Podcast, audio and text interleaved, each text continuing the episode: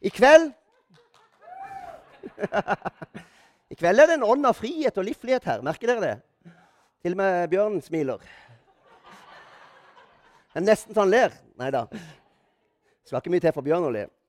Ja, men det er fint. Uh, I kveld så har jeg bare lyst til å skryte av min kjære. Du retta deg opp litt nå. Fikk et blygt smil over munnen, men jeg kunne skryte av deg til i morgen. Det er lett. Men akkurat i kveld så er det, er det Jesus vi taler om. Jeg har bare lyst til å skryte av han i kveld. Går det bra? Det blir ikke noe dyp teologisk tale overhodet. Dere fikk ganske mye sist søndag. Men jeg har bare lyst til å løfte opp Jesus, hvem han er, hva han har gjort, hans dype kjærlighet til oss, hans kraft, hans nåde, hans tilgivelse, hans legedom, hans salve. Så vi på en måte, Du kan nesten sitte og kikke på korset her i hele kveld. Sånn at du bare kan bli grepet av han. Og den ene teksten sa vel det. Å se ham på ny og på ny. Så det er veldig, veldig, veldig grunnleggende enkelt. Men la meg stille deg noen spørsmål. Er det lenge siden noen har stelt skikkelig godt for deg? Nå var du personlig, tenker du. er det lenge siden noen har stelt for og stelt med deg? Og da uten en sånn dyp forventning om å få igjen, først og fremst. Det er jo så ytterst menneskelig. Når vi yter noe, så forventer vi at man skal få igjen. Er det lenge siden du har kjent noen har stelt med det uten å forvente å få noe igjen? Gitt deg oppmerksomhet på den måten som du trenger det, og drømmer om og lengter etter.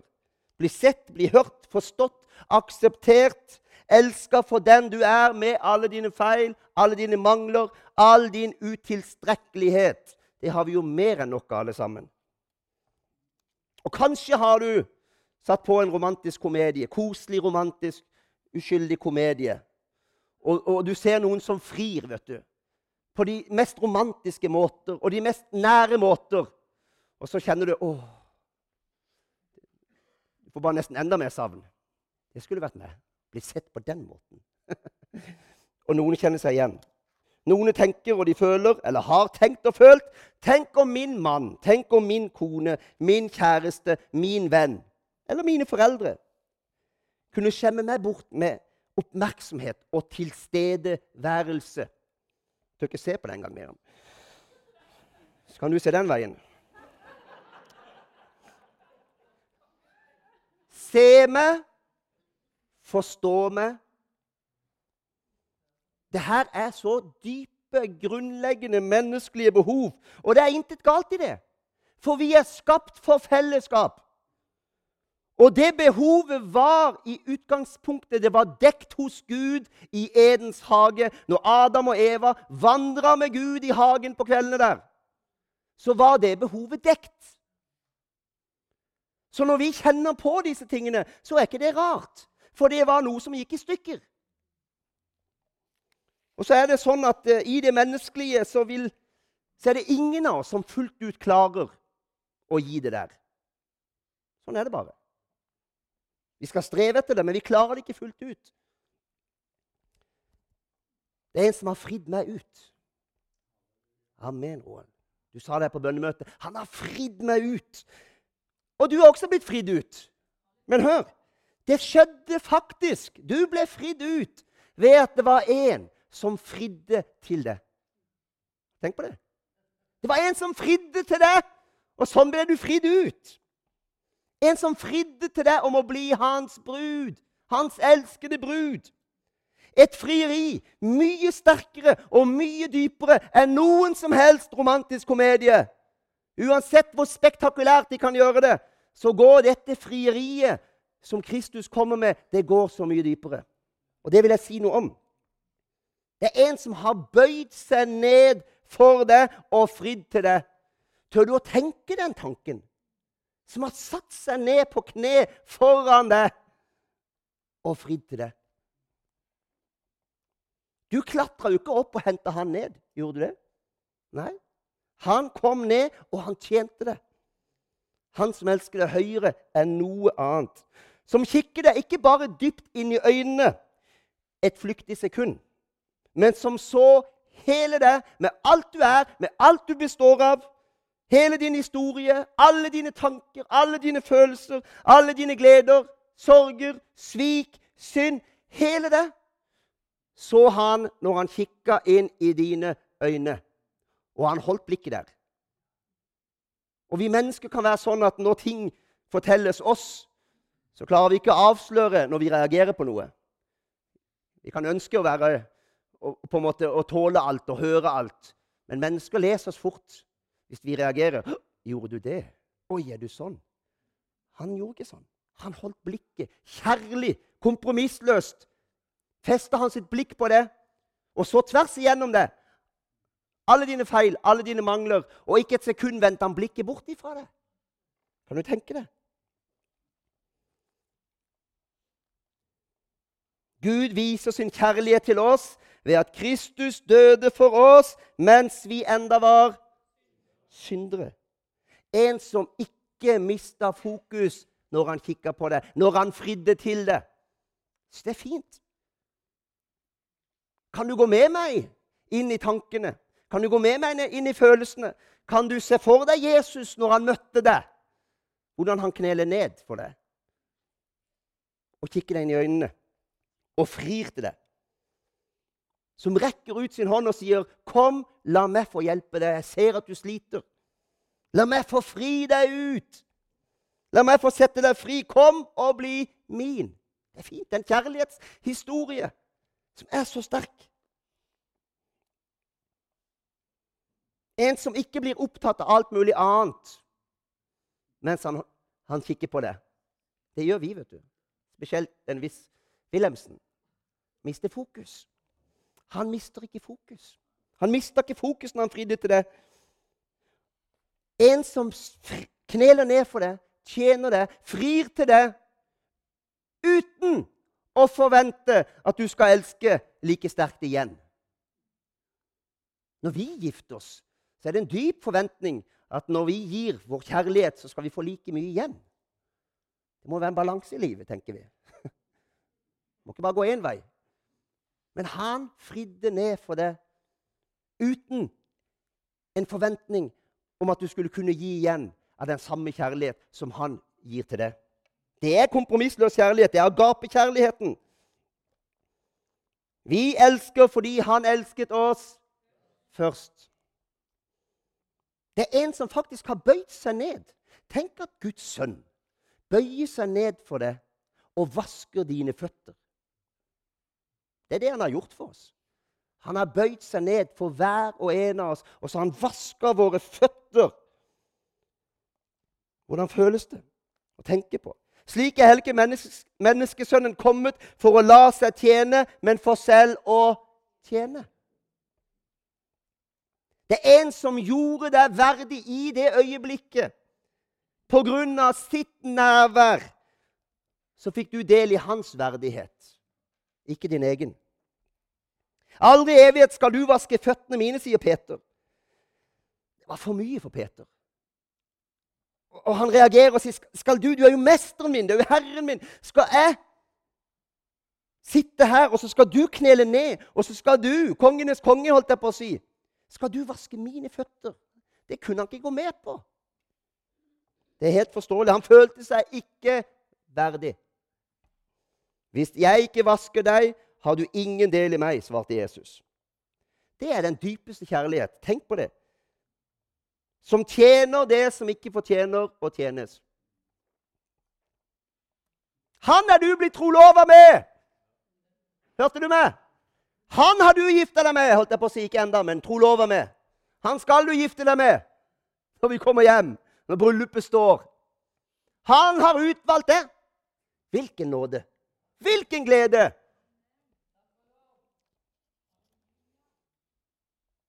Og hvordan frir han til oss, da? Det er mange som tenker, Vi hører ofte at folk sier men, men eh, jeg valgte Jesus. Jo, du, skjønner, du, skjønner, jo hva som menes. Jeg fant Jesus. Har du hørt noen si det? Jeg møtte Jesus, jeg fant Jesus, jeg, jeg, jeg på nærmest banka på, og han lukka opp. Det er ikke teologisk riktig, det. Han fant. Du hadde ingenting i deg sjøl som kunne finne Gud. For det står at det, eh, det menneskelige står imot Gud. Ergo så måtte han først komme over deg med sin ånd og dra på deg. Ingen kan komme til meg uten at Far, som har sendt meg, drar ham. Det er han som banker på i ditt liv. Tenk på det. Se, jeg står for døren og banker, står det. Det var ikke du som banka på hos han engang. Han banker på hos deg. Det er han som vekker opp. Høysangen 5.2. Jeg sover, men hjertet våker. Hør, min kjæreste banker på. Høysangen, vet du. Det er en god beskrivelse av eh, menigheten og, og, og Kristus, det. Hør, min kjæreste banker på. Det var han som bøyde seg ned. Det var han som vaska dine føtter. Det var han som tjente det. Det var han som kalte på det. Det var han som dro deg inn til seg ved sin kjærlighet. Kan du ta det inn over det? Det var han som åpna ditt blikk. Det var ikke du som åpna ditt blikk. Det var han som åpna ditt blikk. Derfor er Efeserne 2 så viktig. For av nåde er dere frelst ved tro. Det er ikke deres eget verk, men Guds gave. Det hviler ikke på gjerninger, for at ingen skal skryte av seg selv. Kan du skjønne hvorfor Bibelen er så utrolig opptatt av den ber oss så innstendig om å holde fast på alt som vi ufortjent av nåde har fått. Du var egentlig inne litt på det. Den er så ivrig på både gjøre det jeg gjorde sist, holdt jeg på å si, belyse forsoningsverket. Alt han har gjort for oss. Det må vi ha tak i. Vi prekte over det sist søndag. Men i, i fortsettelsen så er han utrolig opptatt av å fortelle oss at her må vi leve. Så forbli derfor, står det stadig vekk. Gjør, derfor gjør sånn nå. Derfor tenk sånn. Derfor må dere ikke skikke dere lik som verden. For vi er blitt fridd ut fra noe, satt inn i noe annet. Så vi må se det store bildet, og så må vi jo se at vi kan ikke ta lett på det. Vi må ikke ta det for gitt. Våre hjerter må ikke forherdes. Vi må ikke gå våre egne veier. Vi må ikke gå tilbake til det jordiske. Vær opptatt av det jordiske. For det har egentlig ingenting å gi oss kontra det åndelige. Her kan du godt si amen. Bare hjelpe deg litt. Altså, når vi har møtt ham på denne måten, og du har opplevd at han har knett ned framfor deg og fridd til deg, kjøpt deg fri, hvordan skulle vi kunne gå tilbake? Hvordan skulle vi kunne gå tilbake? Lys over hans verk, lys over hans kjærlighet til deg, det fortsetter å dra deg mot Han. Og det, og det drar deg bort fra verdens forførelser. Guds godhet driver til driver meg til omvendelse. Eller driver til omvendelse. Romerne 2,14. Du kan stole på han. Fantastisk. Vi mennesker vi lover hverandre troskap. Men ingen av oss er et 100% sikkert kort. Sånn er det bare. Men han er 100% trygg. Det er et sikkert kort. Han kan du være 100% trygg på når du sier ja til han. Er det ikke fint? Og det gjelder dere mannfolk òg. Det var en kvinnetale, det her, tenker noen. Det var mye følelser. Det var veldig romantisk. vi er ikke så tøffe som vi vil ha det til. Når alt kommer til alt. Vi trenger òg å bli sett og bli møtt og bli elska og bli forstått og bli løfta opp. Og hvis du ikke tror du trenger det fordi du er mann, så får noen hjelpe deg å bryte hull på skallet. For du trenger det. For det var sånn du levde med Gud. Det var sånn menneskene levde med Gud før syndefallet. Tror du ikke Adam trengte det? Kan du se for deg Jesus der han sitter, bøyer seg ned på knær? Når du sitter der med slavelenkene dine på, i dårlig forfatning, åndelig død og fortapt Kan du se for deg det? Så frir han altså til det. Så sier du ja, og så begynner han å løsne slavelenkene dine. Det er fantastisk. Begynner å ta de opp. Så begynner han å fukte de tørre leppene dine. Sprukne, tørre lepper så begynner han å gi deg av det levende vann. For du er i en dårlig forfatning før du møter Jesus, skjønner du. Når Jesus frelser mennesker, så finner han ethvert menneske i den elendigste forfatning. Det er viktig å se. I en sørgelig forfatning, akkurat som den bortkomne sønn var. Antagelig byller og fett og bare noen filler av noen klær. Sprukne lepper, syk og dårlig, skamfull, syndfull. Sånn møter han oss hver og en. Og det er det han kneler ned for. Det er ikke noe vakker brud. Han kneler ned for et menneske som er i den dårligste forfatning. Så ser han allikevel så dypt inn i øynene kompromissløs kjærlighet uten å forvente noe igjen i første omgang. Det er fantastisk. Og Så begynner prosessen når mennesker sier ja. Så begynner han å smøre sin salve. Umiddelbart så begynner han med dette vraket av et menneske å smøre sin salve over dine sår. Men, men salven dere har fått fra ham, blir værende i det, står det. Johannes første brev. Han overøser deg med sin salve. Han begynner prosessen med en gang. Og han gjør mer enn å overøse det. Han fyller det med sin salve. Han salver leger og gjenoppretter. Og så gjør han en ting til. Han salver dine øyne. Hva skjer da? Det tar bort sløret som gjorde at du ikke kunne se. Åpenbaringen snakker om, om, denne salven til å ha på øynene dine, så du kan se. Så reiser han deg opp. Så kler han deg opp i den vakreste kledning. Han ikler deg faktisk seg sjøl. Halleluja!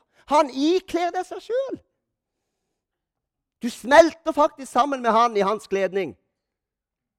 Det er fantastisk. Frelsen er fantastisk, dere. La oss glede oss og juble og gi ham æren, for tiden for lammets bryllup er kommet. Hans brud har gjort seg i stand. Har vi gjort oss i stand, venner? Og hun har fått en drakt av skinnende rent linn. Hun har fått. Vi er allerede ikledd Kristus, hans rettferdige drakt. Og Nå skulle jeg vise dere et intervju fra et program som grep meg så sterkt. Satt alene på hytta på kvelden og så på et program som handla om trafficking og prostitusjon. Grusomt program. Og det er snakk om tusener på tusener på tusener på tusener i denne verden. Også barn som, som utsettes for det her. Lever helt forferdelige liv i fornedrelse, i skam. På de grusomste måter. Og plutselig på slutten her, Jeg var ikke klar over at det var et kristent program. Og plutselig så står disse menneskene fram. Og så begynner de å fortelle om sitt gudsmøte. Du har sett det med ham. Jeg skulle se det. Om hvordan de ble satt fri. Hvordan Gud møtte dem som det vraket de var. Fullstendig knuste kar som i tillegg var gjemt bort i de mørkeste rom. I de dypeste tunneler. Der bodde de. Null tanke om at noen kunne fri de ut. Og jeg kan love deg, om de hadde truffet på den mest kjærlige mannen i verden, som hadde sett de og gitt de kjærlighet, som vi mennesker kan gjøre så hadde de ikke blitt lekt. Så kunne de ikke ha reist seg på samme måte som et møte med Jesus Kristus. Og jeg kjente jeg ble så stolt når jeg så det her. Disse knuste livene. Helt knust. Og jeg kjente det jo igjen, vet du. Fortell om Du ser det gløder i øynene deres. Du ser at noe sterkere er kommet inn. De har møtt en sånn overnaturlig, guddommelig kjærlighet som har restaurert igjen det som ikke skulle være mulig for noe menneske. Og jeg tenkte det er min Gud. Det er min Gud! Det er hva min Gud kan gjøre, tenkte jeg. Kjente jeg ble så stolt over han. Kan være stolt over Jesus, kan vi ikke det? Jeg ble så stolt over å tilhøre han. Det er hva han kan gjøre, tenkte jeg. Disse som var slaver på alle plan, fullstendig ødelagte, rippa fra verdighet og selvfølelse. Hør, dette er hva vi holder på med som menighet. Dette er hva vi holder på med som menighet. Derfor går jeg her fra dag til dag hele uka igjennom og nærmest roper fra dypet av mitt hjerte Kom, du Herre, som har makt til å frelse og sette fri og lege og gjenopprette. Jeg ber aldri den bønnen, Herre, nå ser du alt jeg har planlagt. Nå må du komme og hjelpe meg, sånn at jeg klarer å gjennomføre det som passelig greit. Det er en altfor svak bønn for meg. Det er langt ifra nok for meg. Hvorfor det? For jeg har sett noe av hans livsforvandlende kraft. Og jeg vil ikke ha noe annet. Jeg vil ikke ha et dårlig substitutt for den reelle, ekte Jesu kjærlighet og kraft. Som setter fri, som løser bånd. Jeg vil egentlig ikke holde på med noe annet. Meg og Miriam kunne aldri ha funnet tilbake uten hans mirakuløse inngripen i våre liv. Tro du meg? Ja, var det så Var det så galt, da? Ja, så galt var det. Var det så hard knute at ingen terapi ville kunne løse det opp? Så hard var knuten. Så umulig var det, spør Ove. Han kan bekrefte det.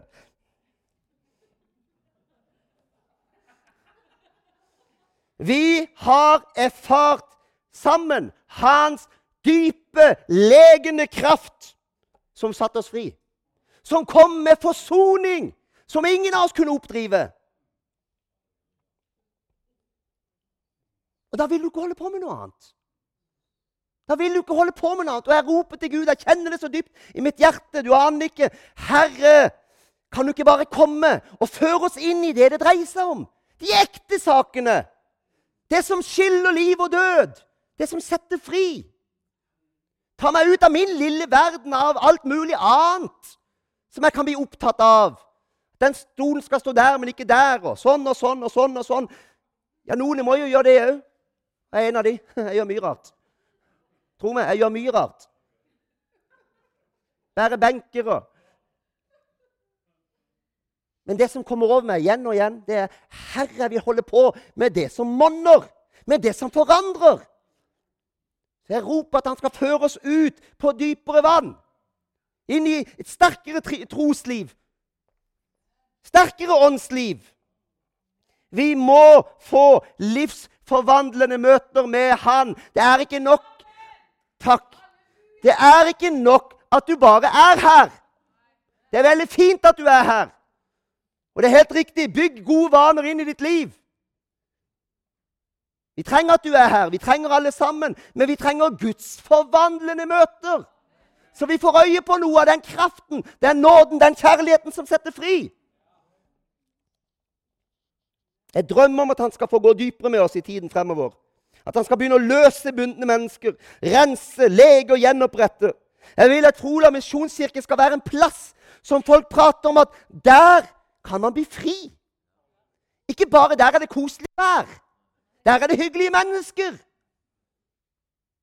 Det er veldig fint, det, altså. Men jeg vil, jeg vil se mer enn det. Der blir mennesker kjøpt fri. Der blir de lekt. Der kommer, de, de, der kommer vrak av mennesker som ingen trodde kunne bli fri. Og så demonstreres Guds kraft og Guds kjærlighet. Det drømmer jeg om. Og Da er det ikke nøye for meg hvordan det ser ut, hvordan det låter. Det er helt opp til Gud. Bare vi kan få erfare at han gjør noe. Hør! Sånne dype bevegelser av Den hellige ånd det fødes fram av overgivelse, lydighet og bønn. Overgivelse, lydighet og bønn. Det er de gamle brønner, det er de gamle stier. Det er en tid for bønn og overgivelse. Jeg har malt Kristus som korsfestet for deres øyne, sier Paulus. I kveld vil vi male Kristus. Yongi Chu, kjenner han? Djevelen har aldri brydd seg noe særlig om en menighets ritualer. Men han er livredd for sann bønn, sier han. Og så sier han et annet sted. Herren talte til meg og sa, hvor mange vaktler, altså fugler, ville Israel ha fanget i ørkenen hvis de hadde gått på vakteljakt i ørkenen? Tenk på det. mange fugler hadde de fanga om de gikk på jakt etter disse fuglene i ørkenen? Jeg svarte ikke særlig mange. På hvilken måte tror du vaktlene kom? fortsatte Herren å spørre meg. Da gikk det opp for meg at Herren hadde sendt vaktlene med vinden. Herren forsøkte å vise meg forskjellen på å fange sjeler uten bruk av Den hellige ånds strategi og i samarbeid med Den hellige ånd. Så sa Herren noe helt forvandlende for mitt liv. Du må bli kjent med Den hellige ånd, slik at du kan samarbeide med ham. Dypere kjennskap, dypere erfaring, større nød. Forventning som strekker seg inn i det åndelige. Ikke bare en gang om å fylle opp lokalet. Jeg elsker mye mennesker. Jeg blir veldig inspirert av å se fulle lokaler. Men min drøm går forbi det. Det er ikke nok for meg å fylle opp til og med galleriet og si Yes, nå har vi fylt opp. For hva hjelper det om ikke menneskene blir satt fri? Om ikke de blir løst? Om ikke de vokser i Herren? Om ikke de møter Han? Jeg vil heller sitte her med dere Det er mer enn 60, tror jeg. men Jeg vil heller sitte her med 50 som møter Gud. Som begynner å brenne, som begynner å få visjoner, som begynner å bli djerve. Som vet hva de er blitt kjøpt fri fra som begynner å leve troens liv og åndens liv. Begynner å bli ledende Hellig Ånd, for da vet jeg da kan hva som helst skje, og det kan skje lynfort. Sånn er det i mitt hjerte. Derfor er ikke jeg veldig bekymra for koronaåret som har vært. Det er meg personlig. Jeg er ikke veldig bekymra for om vi er 50 eller 60, 40 eller 100 her engang. For det jeg vet, at når vi vender blikket riktig vei og får hans perspektiver og hans drømmer, så kommer Guds kraft. Og det er det som forløser alt. Ikke mine planer om hvordan kan vi bøte på det året som har vært. Hvordan kan vi redde stumpene? Hvordan kan vi gjøre det godt igjen? Eller som jeg har hørt andre si hvordan kan vi ta igjen alt det tapte? Jeg er ikke redd for det. Jeg har tro til Gud. Jeg vet at når Herren kommer med sitt nærvær blant oss og sin salvelse, så er det der ikke noe problem. For da er det ingen som vil gå glipp av noe etter hvert. Du sa det på bønnemøtene. De kunne ikke holde rykter om ham skjult. Var det det du sa? Jeg peker på deg, ja. Du heter Kristine. De kunne ikke holde ryktet om ham skjult. Det var ingen problem å holde et rykte om hvilken som helst morallærer skjult. De, var, de florerte. De jobba jo livet av seg for å få tilhengere, for å bli kjente. De hadde ikke den forrangen som han, han hadde, at de ikke kunne holde skjult. Så de jobba veldig for å slå seg opp og fram i verden. Selvfølgelig gjorde de det. Men han kunne de ikke holde skjult. Hvorfor det? Fordi at ved møter med han så ble liv forvandla. Kvinnen med brønnen. Et menneske som setter en hel bygd på hodet fordi at det var et så kraftig gudsmøte. Er det da noe problem? Det er ingen problem. Det er ingen problem for Gud. Og det ligger i våre grunnmur holdt jeg på å si nå om dagene. Ingenting er umulig for Gud. Jeg tror på en åpen himmel over steder. Til avslutning nå.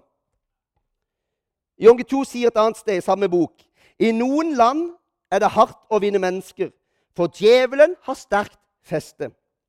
I Korea er det lett nå, for bøndene har åpnet himlene for oss. Og Jeg vet ikke om folk tror på denne dimensjonen lenger. Det er få som snakker om det. Men jeg tror på det av hele mitt hjerte. Jeg tror på det. Og jeg tror vi skal begynne å tenke litt mer sammen sånn at når Guds folk reiser seg og begynner å søke Gud med alt de er og har, og begynner å be aktivt sammen, blir sultne på ham, begynner å skjønne hvordan bønn henger sammen så begynner man å gjøre vidunderlige verk i den åndelige verden. Jeg kan ikke forklare hvordan det henger sammen, men jeg vet det er sånn. Så bereder man grunner. Hva er nå det? Berede grunn? Det snakka vi om før. Det er et ord som er blitt fremmed. Men man bereder grunnen. Man lager en landingsplass for Gud, nærmest. Man er med og åpner Guds himmel via bønnene. Via hengivelsen.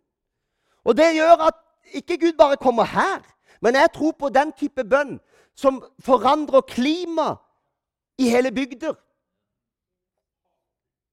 Som gjør at plutselig, av en eller annen grunn, selv om ikke vi har kjørt noen nye konsepter eller gjort all verdens nytt, plutselig så begynner man å nå inn med det enkle evangeliet. Plutselig begynner folk å ta imot. Så blir man nesten overraska. Men dette har vi jo prekt lenge. Hvorfor har de ikke tatt imot før nå? Det har noe atmosfæren over bygd, over by, over land. Jeg tror på det. Derfor sier han det at når jeg preker det enkleste evangeliet, sier Jon Cho, og menneskene blir lett frelst De kommer lett i syndenød. De omvender seg fort. Men det var ikke sånn, sa han. Men nå er det sånn i Korea. Ikke hvordan det er i dag. Men så kan jeg reise med det samme budskapet, sier han, til andre land. Og det er hardt å komme igjennom. Han har sett noe i åndeverdenen. Og få har mobilisert til så mye bønn som Yonggi-chu. Bønn nesten døgnet rundt. Ja, skal vi bare sitte og be? Vi kan ikke bare be, hører jeg folk si.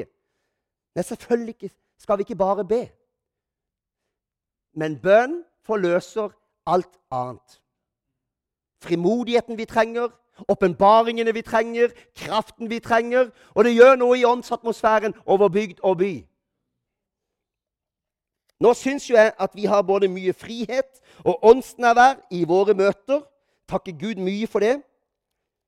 Og Det er ikke bare fordi vi har lagt opp til en fri stil. Vi er mange i denne menigheten som ber. Og det har alltid vært mange i denne menigheten som ber. Det er mange bønnegrupper. Så det foregår ganske mye bønn. Og jeg er helt sikker på at det henger sammen av hva vi opplever av en åpen himmel hos oss. Av nærhet av Gud. Av frihet. Klart det henger sammen. La oss bare se at det henger sammen. Og når du begynner å se det, så blir du ivrig. vet du. Ja, men hvorfor, Da må vi gjøre det mer, da. Det er ikke verre enn det. Du ser at noe fungerer, som gir deg det du vil ha. Hva gjør man da? Da tar du det som fungerer, og så sier du hva jeg hvis vi gjør det mer? Da får vi mer av det vil vi ha. Enkel matematikk. Sant? Jeg er ikke god i matematikk, eh, Sigbjørn, men det kan jeg klare å regne meg fram til.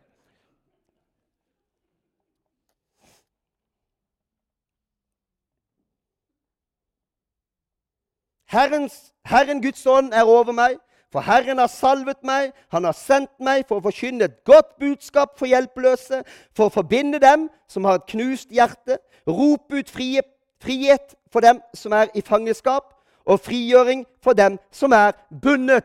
Der har du oppdraget. Det er oppdraget. Sette mennesker fri. Også Guds folk. Fri til å tjene. Det er vår jobb.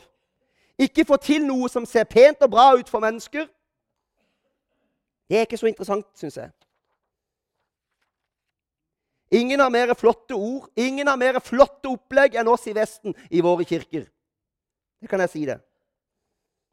Men det blåser ingen vekkelsesvind enda over Norge. Jeg tror det kommer. Men det gjør ikke det enda. Og vi har gjort de samme tingene i årevis. Mens den vinden blåser mange steder rundt omkring på jorda. Oppdater deg på det. Og, og du vil erfare hva henger vekkelsesvindene sammen med. Overgivelse, lydighet og bønn. Studer de miljøene som lever i vekkelse, og du vil finne de samme momentene igjen overalt. Mens når vi blir desperate og lengter etter disse tingene, så kjører vi i gang med all verdens alt annet. La oss begynne der. La oss stå på den grunnmuren som Bibelen har bygd for oss, og begynne der. Og så kommer det masse initiativ ut ifra det. Tro meg. Det kommer til å bli misjon her og misjon der, og tjenester der og tjenester der. For det forløses i en atmosfære av en menighet som ber og innviser. Da er ingenting umulig. Vi har de peneste kirkene, vi har den beste teknologien. Vi har tilgang til all verdens beste pedagogikk og kurs. Og sånn tenker vi ofte. Det var ikke så bra, sier vi. La meg avslutte med det. Det var ikke så bra. Det var bra, og det var ikke så bra. Ja, hva er bra, da? Da må du definere bra for meg. Hva mener du når du sier det var bra eller ikke bra? For meg er det sånn at det kan stå et menneske så famlende her oppe, så skjelven og så berørt av Gud at jeg nesten ikke får sagt et ord. Det stotrer og det skjelver. Og når du ser det med de menneskelige øynene, ja, så er det alt annet enn bra. Tro meg, det er ikke bra i det menneskelige. En dårlig framføring. Ordentlig dårlig framføring. Kanskje du kan bli flau. Jeg har lagt fra meg det der. Jeg måtte ta noen bevisste valg. Jeg har lagt det fra meg. Og så vil jeg se dypere. For hvis det står et menneske her som er så full av Guds ånd at jeg nesten ikke kan få sagt noe, så har jeg erfart gang på gang bare en setning de får pressa ut, kan bære en sånn kraft i seg at det forløser mennesker. Bung, bung, bung. Det er rare greier. Tror du Gud kikker på de samme menneskene og tenker det der var ikke så bra? Nei, det er sånn du må tenke. Han ser hjertene. Så la oss ikke forføre av alt som måtte være bra, men heller av hva som er Guds ånd, og hva som bryter lenker og bånd. Ja, skal vi gjøre ting dårlig? Nei da, det skal du ikke.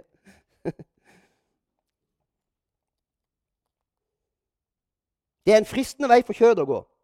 Men om vi får vår håpning til vekst og liv og vekkelse i ytre rammer, da tror jeg vi har mista det med en gang.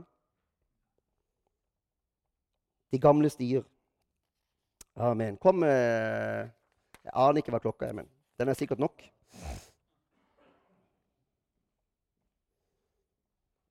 Den er sikkert nok. Fikk du noe ut av det?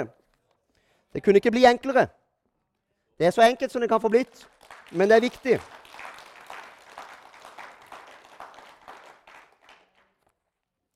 Blir vi med disse budskap eh, planløse, visjonsløse, retningsløse Noen vil føle på det. Ja, men nå blir det bare svevende alt. Det gjør det ikke.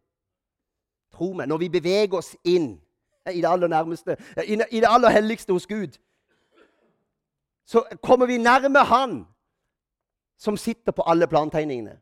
Som sitter på alle ressursene, på alle løsningene. Trenger ikke være redd for det.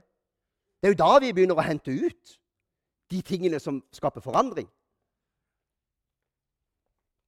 Skal vi reise oss opp?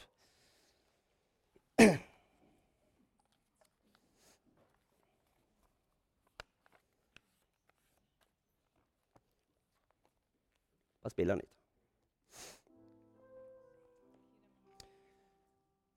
To ting i dag. Løfte opp Jesus. Se hva han har gjort for det.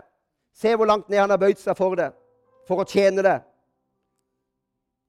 Han har gjort deg verdig. Han har kledd deg opp. Han har fylt det. Han har rensa det. Han har forbindt det. Han har gjort alt for oss.